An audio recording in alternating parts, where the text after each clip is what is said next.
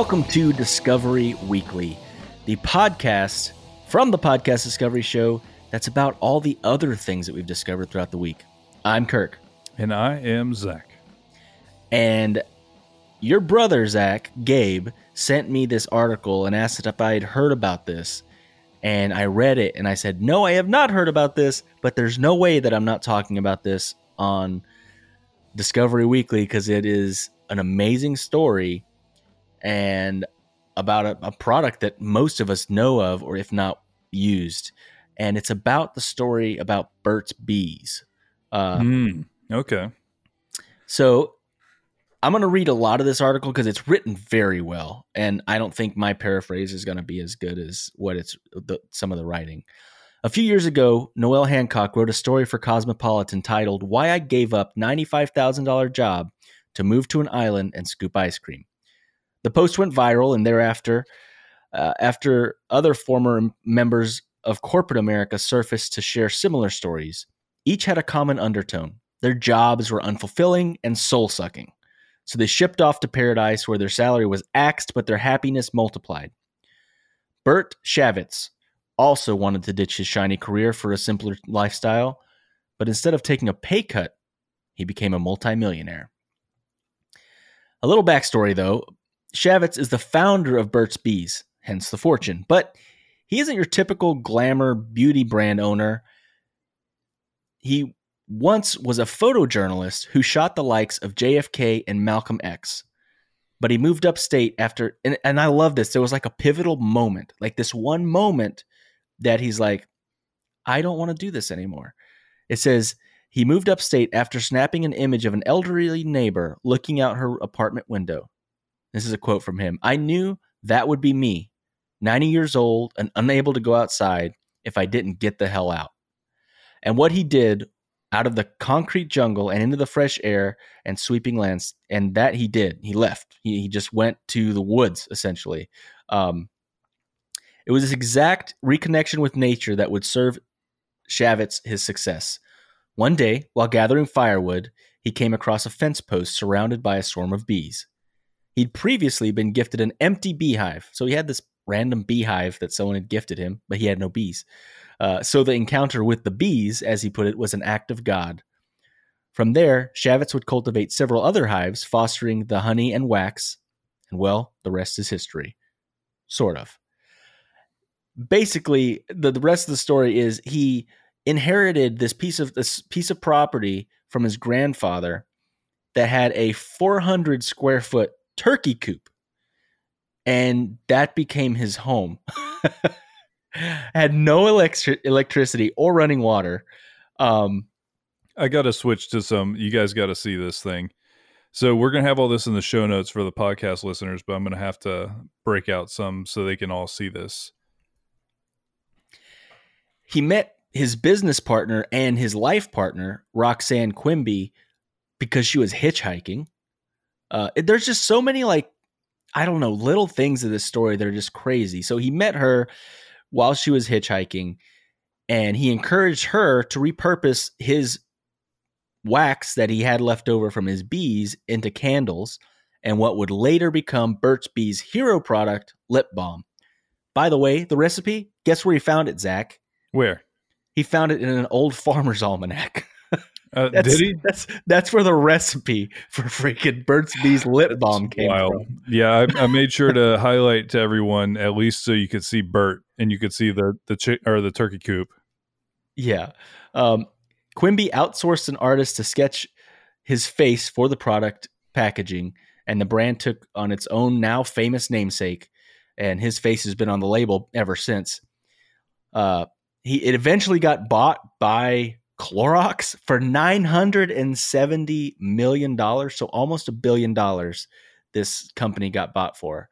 Uh, there was definitely some some weird business stuff that happened, but this guy has always been a simple guy, and he basically got only four million dollars from the the buyout uh, because of you know crazy personal things along with business things that really uh, ruined the the relationship with him and and and his business partner.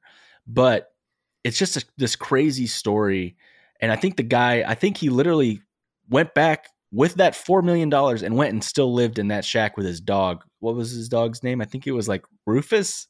Uh, Rufus is a great dog name. It is Rufus. yeah. Golden retriever named Rufus. Yep. And um, it says in July 2015, Shavitz passed away at the age of 80, but his legacy is immortalized in yellow labels sold around the globe, far beyond his anticipation. What was once a roadside honey business morphed into a billion dollar company with a product line spanning makeup, skincare, hair care, baby products, and its latest and most unexpected venture, protein powders. I didn't know they made protein powders, but apparently they do. But that is the story of Burt's Bees and the founder, uh, Mr. Shavitz. Yeah, that's wild. And honestly, the the very beginning part is always been so interesting to me. You know, the why I gave up a hundred thousand dollar job to move and scoop ice cream. Mhm. That's always been because you hear people talk about it where like money doesn't buy happiness and like you can be very successful, but if it's like killing you emotionally and like mentally, people will bail from it, you know? Yeah. And so it's just it's really interesting to hear of somebody that's that he basically made it, but also that that exact same like spirit of I'm just gonna go live and be happy is why he found these things. Like he had just a, a random beehive that he probably bartered for. Like, you know what I mean? He got it, just somebody's like, Hey, you want this? He's like, okay. And so all of it was just kind of fitting to his journey. So it's always interesting to hear that type of story for sure. Yeah, and the the fact that like you know he just took this picture of this old lady that in her apartment looking out the window, and he's like, I just don't want that to be me inside of a Yeah. city, inside of an apartment. Like, it, he just didn't want that. So it's crazy that there was this pivotal moment where he's like, Nope, not doing that. yeah, I haven't used Burt's Bees in a while, but I definitely did. Yeah, I liked it. I like it. I mean, I didn't know it was bought by Clorox. I didn't know they owned it. I thought it was still kind of a small company. I am Did very they put wrong. bleach in it? I think Clorox owns a lot of things that don't have bleach in it. Mm-hmm. so I discovered something this week because Kirk and I were talking about it at work. I think we were talking about Friday the 13th, or I can't remember what the number we were talking about Yes. was. We were talking about like why is Friday the 13th a thing? And just so I looked 13, like 13, I think we were yeah, talking about. lucky Like, why is- 13 or like unlucky 13. Why is 13 We're like, why is that a thing? number? So I found this National Geographic article that talks a little bit about it. And one of the cool things I found out is this is not specific to America, and other countries have different unlucky numbers.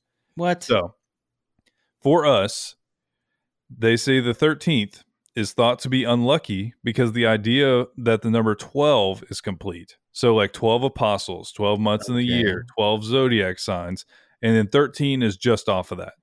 And that's Huh. just, uh, that was from a, a senior research fellow and paranormal investigator for Skeptical Inquirer magazine. Um, but in other countries, there are different ones that are unlucky. So, in China, the number four is unlucky because the pronunciation of the word in Chinese is similar to that as the word for death. So Ooh. just like in America, where a lot of times um, construction companies will skip the 13th floor on a building, Mhm. like it'll still be there, obviously, because that's how numbers work. But That's they what always blew my mind. Is like it's still the 13th floor. You just put the number. 14 yeah, they put over it. 14 on it so that people don't get scared. Yeah, When I was a kid, I thought that the 13th floor was just empty. Like the 13th floor existed, but it was There's- empty. they would and I was never like, "That's give up creepy." that money. They would never give up that money. No, I know. So basically, just don't know go that now. floor. They're they're lying to you. But yeah, no, just like that in China, they'll sometimes skip the fourth floor uh, because it sounds like death, uh, the word death. Um, and apparently, nine is the one in Japan because it sounds similar to the word for torture or suffering. So Oh. all of theirs make more sense than ours. Theirs does make more sense. they just don't like it. They're like, Ugh. it makes me think of like death because it sounds exactly like death. Um, some Italians are superstitious about Friday the 17th because if you rearrange the Roman numeral 17, it can create the word, it, it's like vixi is what it looks like. And translated from Latin to mean my life is over. That's a little. That's like very abstract. I It feel is like that But one. That one's more of a, a reach to me. That one, and it says some Italian, so I don't think it's very popular. Um, the number thirty nine gets a bad rap in Afghanistan Many Afghans say that the number 39 translates into Mordagao, which literally means dead cow, but is also a well known slang term for a pimp.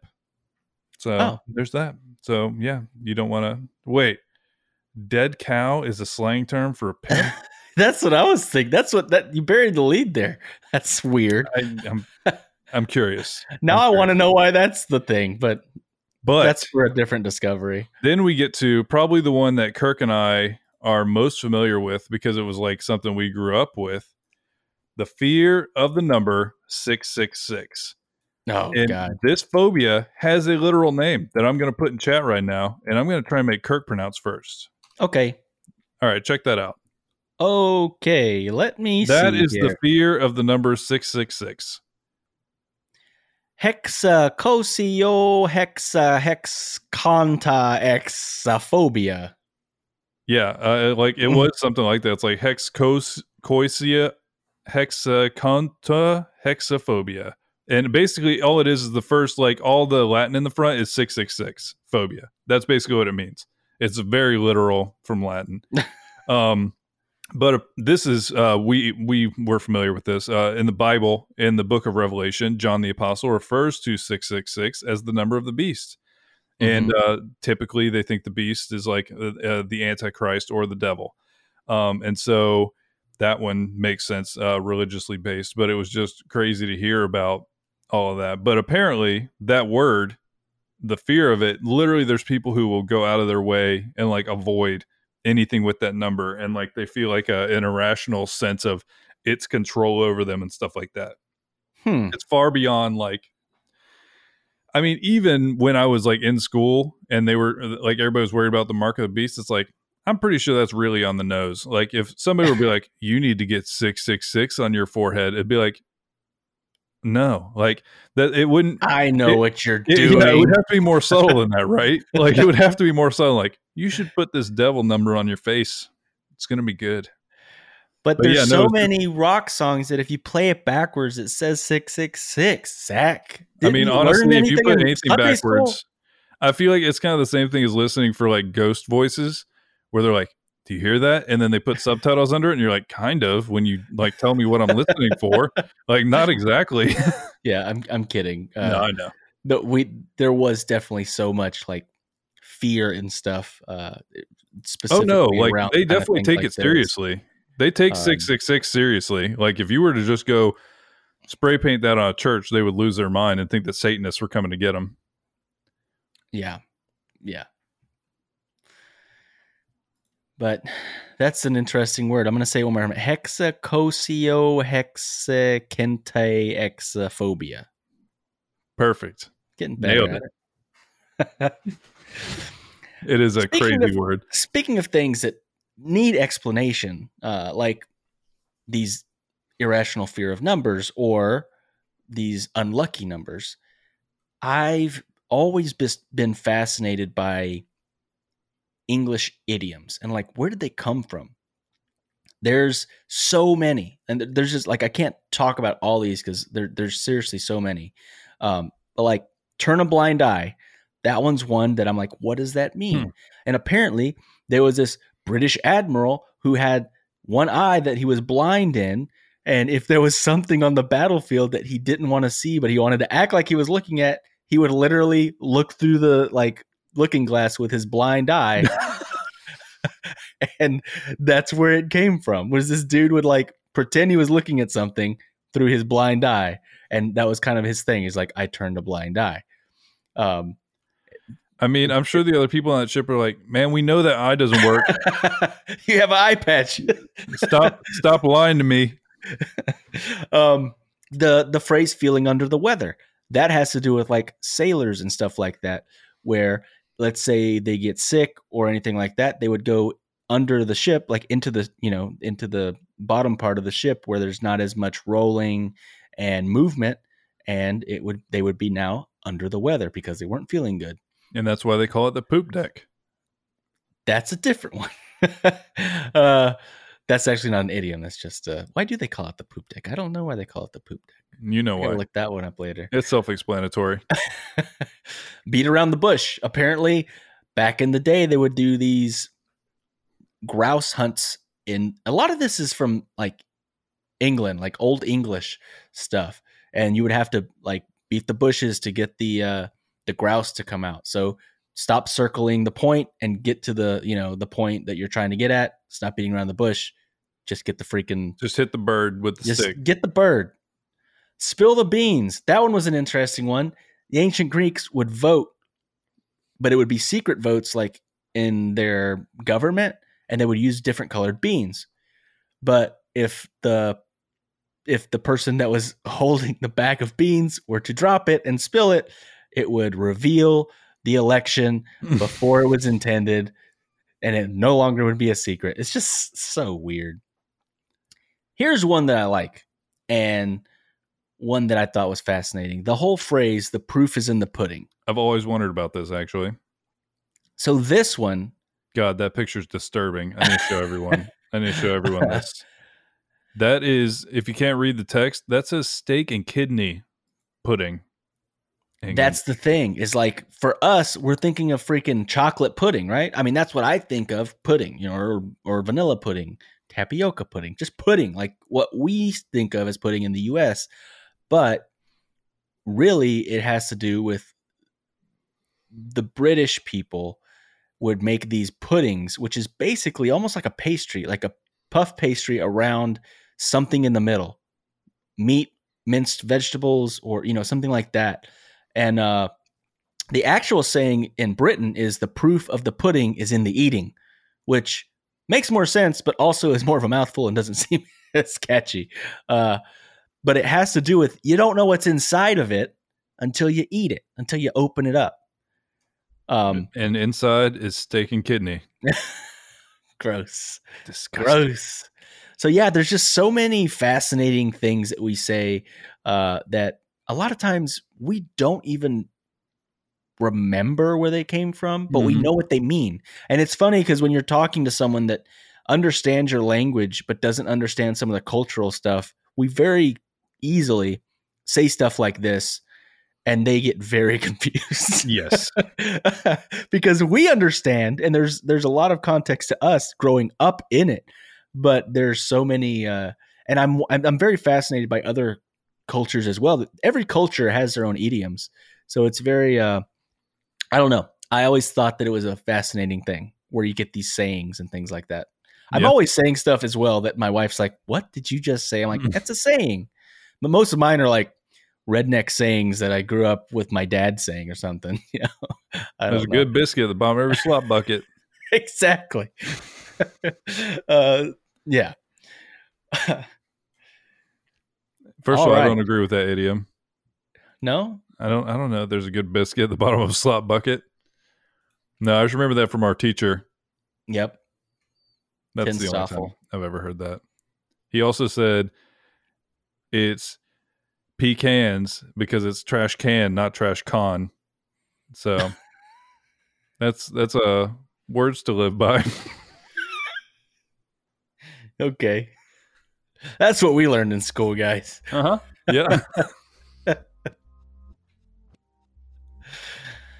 All right. Well, we'll be right back with more discoveries right after a word from our sponsors.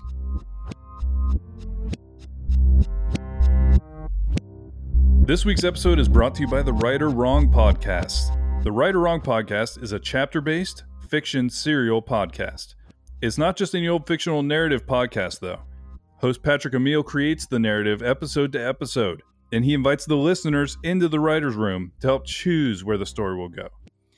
So I always listen to some of these these podcasts before we talk about them in our ad spots. And I was gonna listen to just one episode, and I picked a story arc, The Canyon, and it was like I think three or four episodes long. And I ended up listening to every single episode of that arc because I loved it so much. And at the end, when he asks the the audience which way they want to take the story, I wanted to know the next week what they chose. so it's it's just this really cool collaborative choose your own adventure story but in podcast form and they've got great voice acting the awesome sound effects and a completely original soundtrack. I went on their website and they've got so many like top-notch actors doing the the voiceover and stuff. It's great. And here's the best part. Season two of the Write or Wrong podcast starts in late February, so there's plenty of time to listen to all of season one and get caught up. Find the Write or Wrong podcast anywhere you listen to podcasts, and remember it's Writer with a W.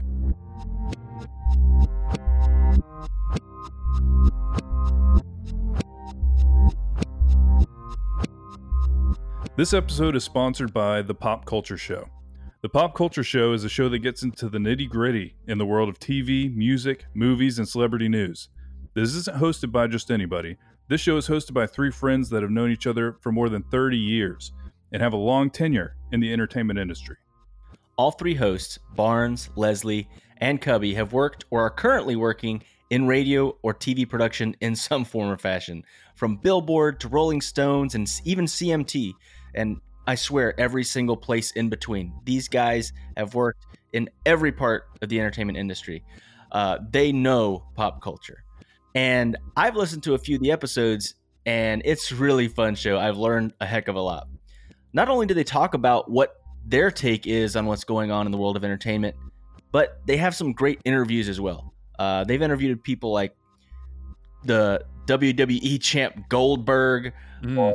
rock stars like Jewel, Butch Walker, Collective Soul, and one of my favorites. After hearing a, uh, that they interviewed him, I went and listened to it myself. They interviewed Joe Gatto from Practical Jokers, and I loved hearing some like behind the scenes of this show that's so successful and for so long. And uh, it started with just two friends. Literally, they've been friends since like high school and made fun of each other and stuff for that long. Hmm. It, was, it was a great interview. Basically, it's just a really fun, hour long ride through the halls of pop culture that leaves you laughing, informed, and excited for the next episode of the Pop Culture Show. Find out more about the show on popcultureshow.com or listen anywhere you find your podcasts.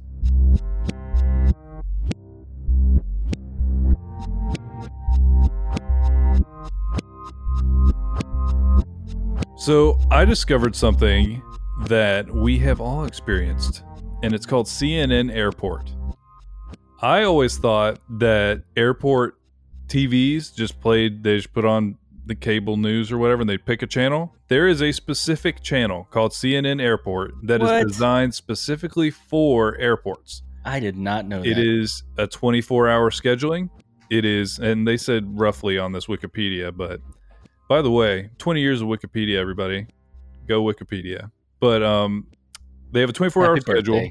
You can 16, almost 16% is live news, 19% is live sports, 24% is lifestyle, 24% is travel, and 10% is for local stuff um, at that airport specifically. Um, so basically, it started in 1991, and they wanted to try and really isolate kind of how people are watching at an airport, you know, because it, you want it to be something so that people are seeing stuff constantly because mm-hmm. you kind of just have people wandering around, people sitting, and so you have to try and mix up everything so that people are always getting the right mixture of TV essentially. It's and so, so weird when you when you hear people talk about how intentional they are about things that we just take for granted like that. Yes. Like it just like like you said, it just we would think they got TVs, they're just going to throw on the news somewhere, some random channel. Yeah, no, and literally CNN Airport airs in 58 airports in the US, and CNN will pay those airports to display the channel exclusively on their monitors. Hmm. So any of these, I would have thought the opposite. I thought the yeah. airports would have to pay them. No, I, I bet it's cheaper to just get a huh. big old cable subscription. But um, essentially, they would do a lot of stuff, and because it's an airport and people are there middle of the night and whatever, and maybe don't want to watch like the weather report, they would also that was it was not just CNN, you know. So they had Cartoon Network and Turner Classic Movies, HBO, TBS, full length NFL games, playoffs, and everything like that. Hmm. And since I discovered this, there has been a press release on CNN Airport. At the end of March, CNN Airport will close because oh. of the lack of people going to the airport and because essentially now it okay because this started in the 90s everybody mm-hmm. didn't have a cell phone everybody mm-hmm. didn't have mm-hmm. a tablet and a laptop and a cell phone and it, uh, you know i mean they didn't have any options so what was on tv was important it is not anymore you know uh, because i can't remember the last time i actually watched tv at an airport at all but literally Head, he announced headphones this. in when you're at an airport, your goal is to not interact with anybody. And this was before COVID. I can't even imagine what it's like since COVID. It's, It's very odd. Headphones, sit down, space between you, and enjoy the space because you're about to not have any. Yeah, I literally, I, I've been on one flight since everything happened, you know, and it was really weird. It was a very weird vibe because uh, there's a lot less people. You know, I got through the line really quick. Um, everybody is wearing a mask. There's a lot more room, you know, so like the restaurants and everything are closed down. I would, I basically just went and found somewhere alone, like away. You know, I flew Southwest, and at the time, at least, Mhm. they probably still are. I don't know, but they would leave all the middle rows empty. So Mm. the entire plane didn't have middle rows. So you were at least a seat away from everyone. But it's really weird to be on an airplane.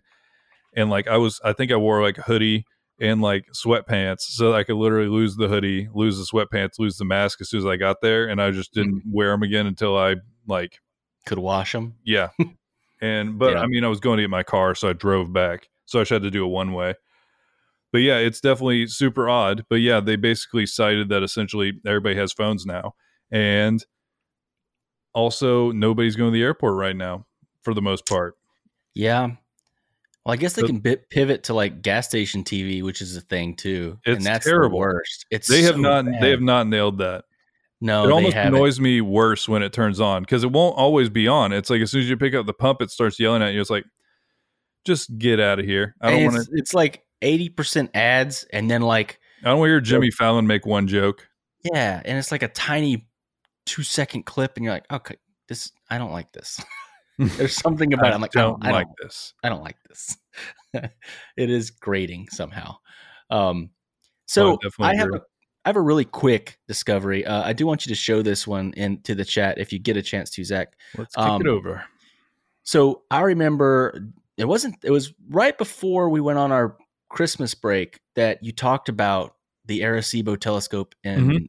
Puerto Rico was Puerto Rico. collapsed. It had collapsed, and basically it hadn't been maintained, and it was probably going to shut down, which was like heartbreaking because it was you know it was such such a important thing for scientists because they literally would be able to buy time slots and do whatever kind of research they wanted to do. Even like you know extraterrestrial scientists that were trying to find aliens or alien planets were able to use it.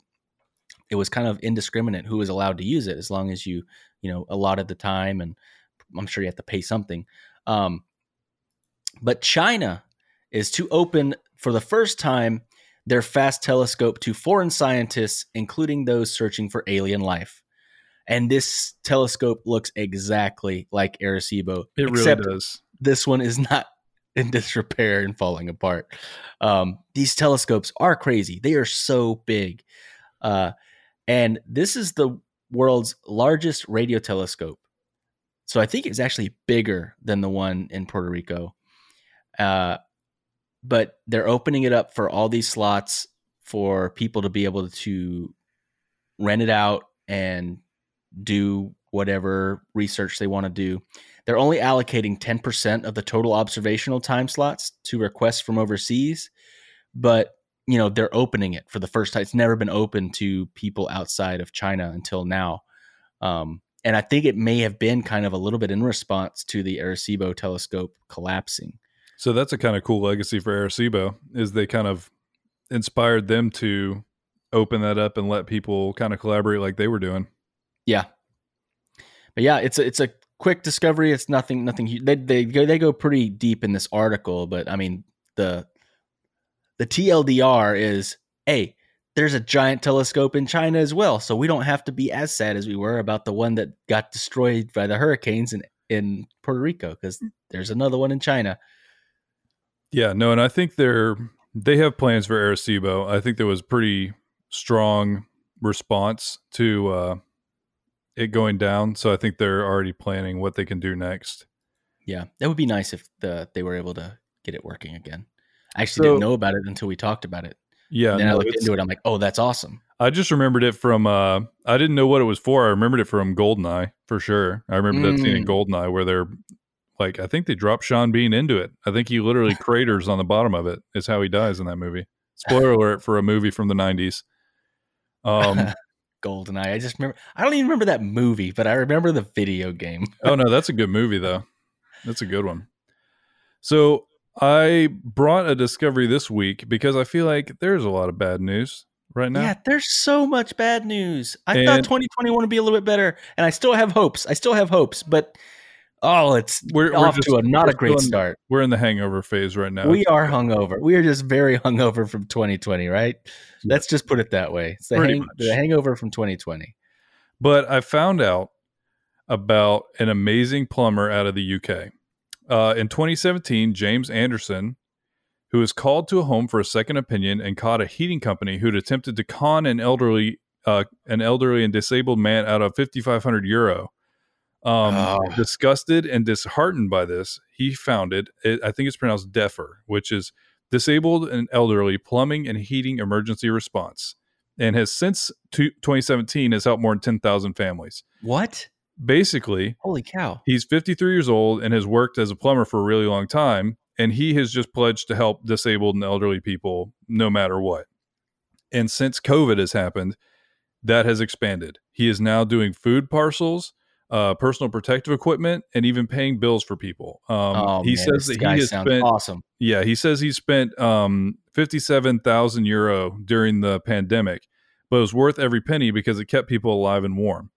Um, uh, there's a quote from him. Um, if you've got disabilities, issues, sometimes these things can become too difficult to overcome, and we want to make that make sure they're taken care of.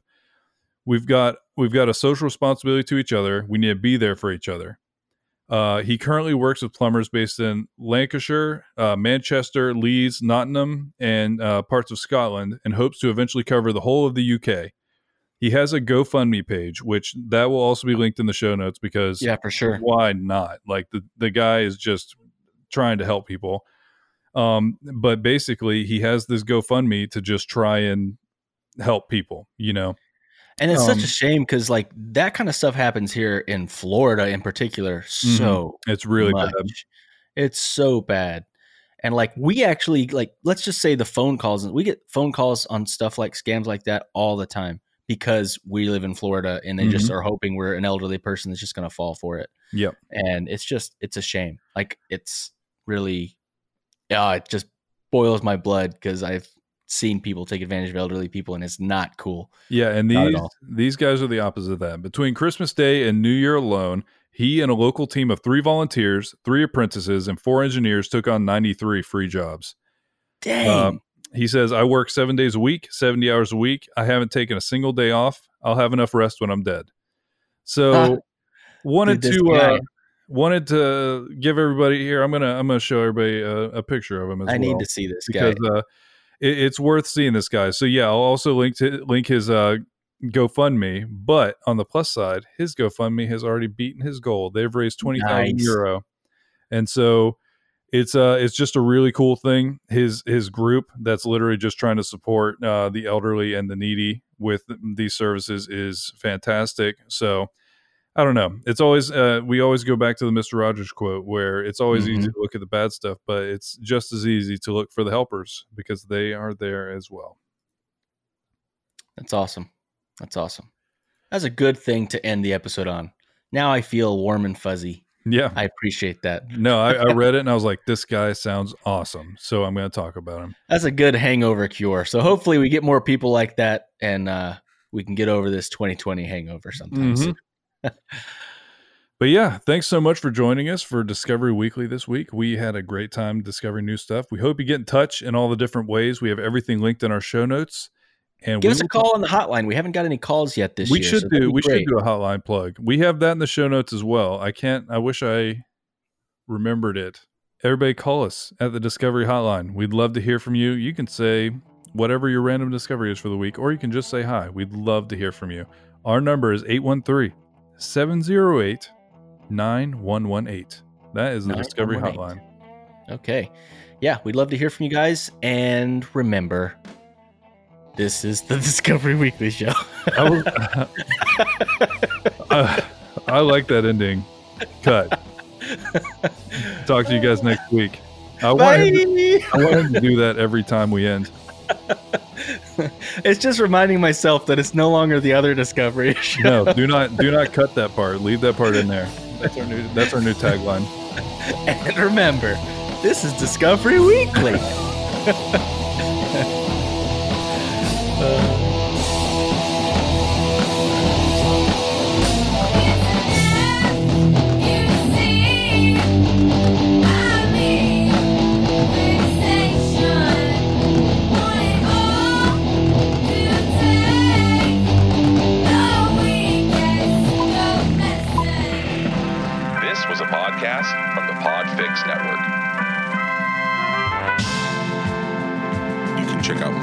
Like it at podfixnetwork.com.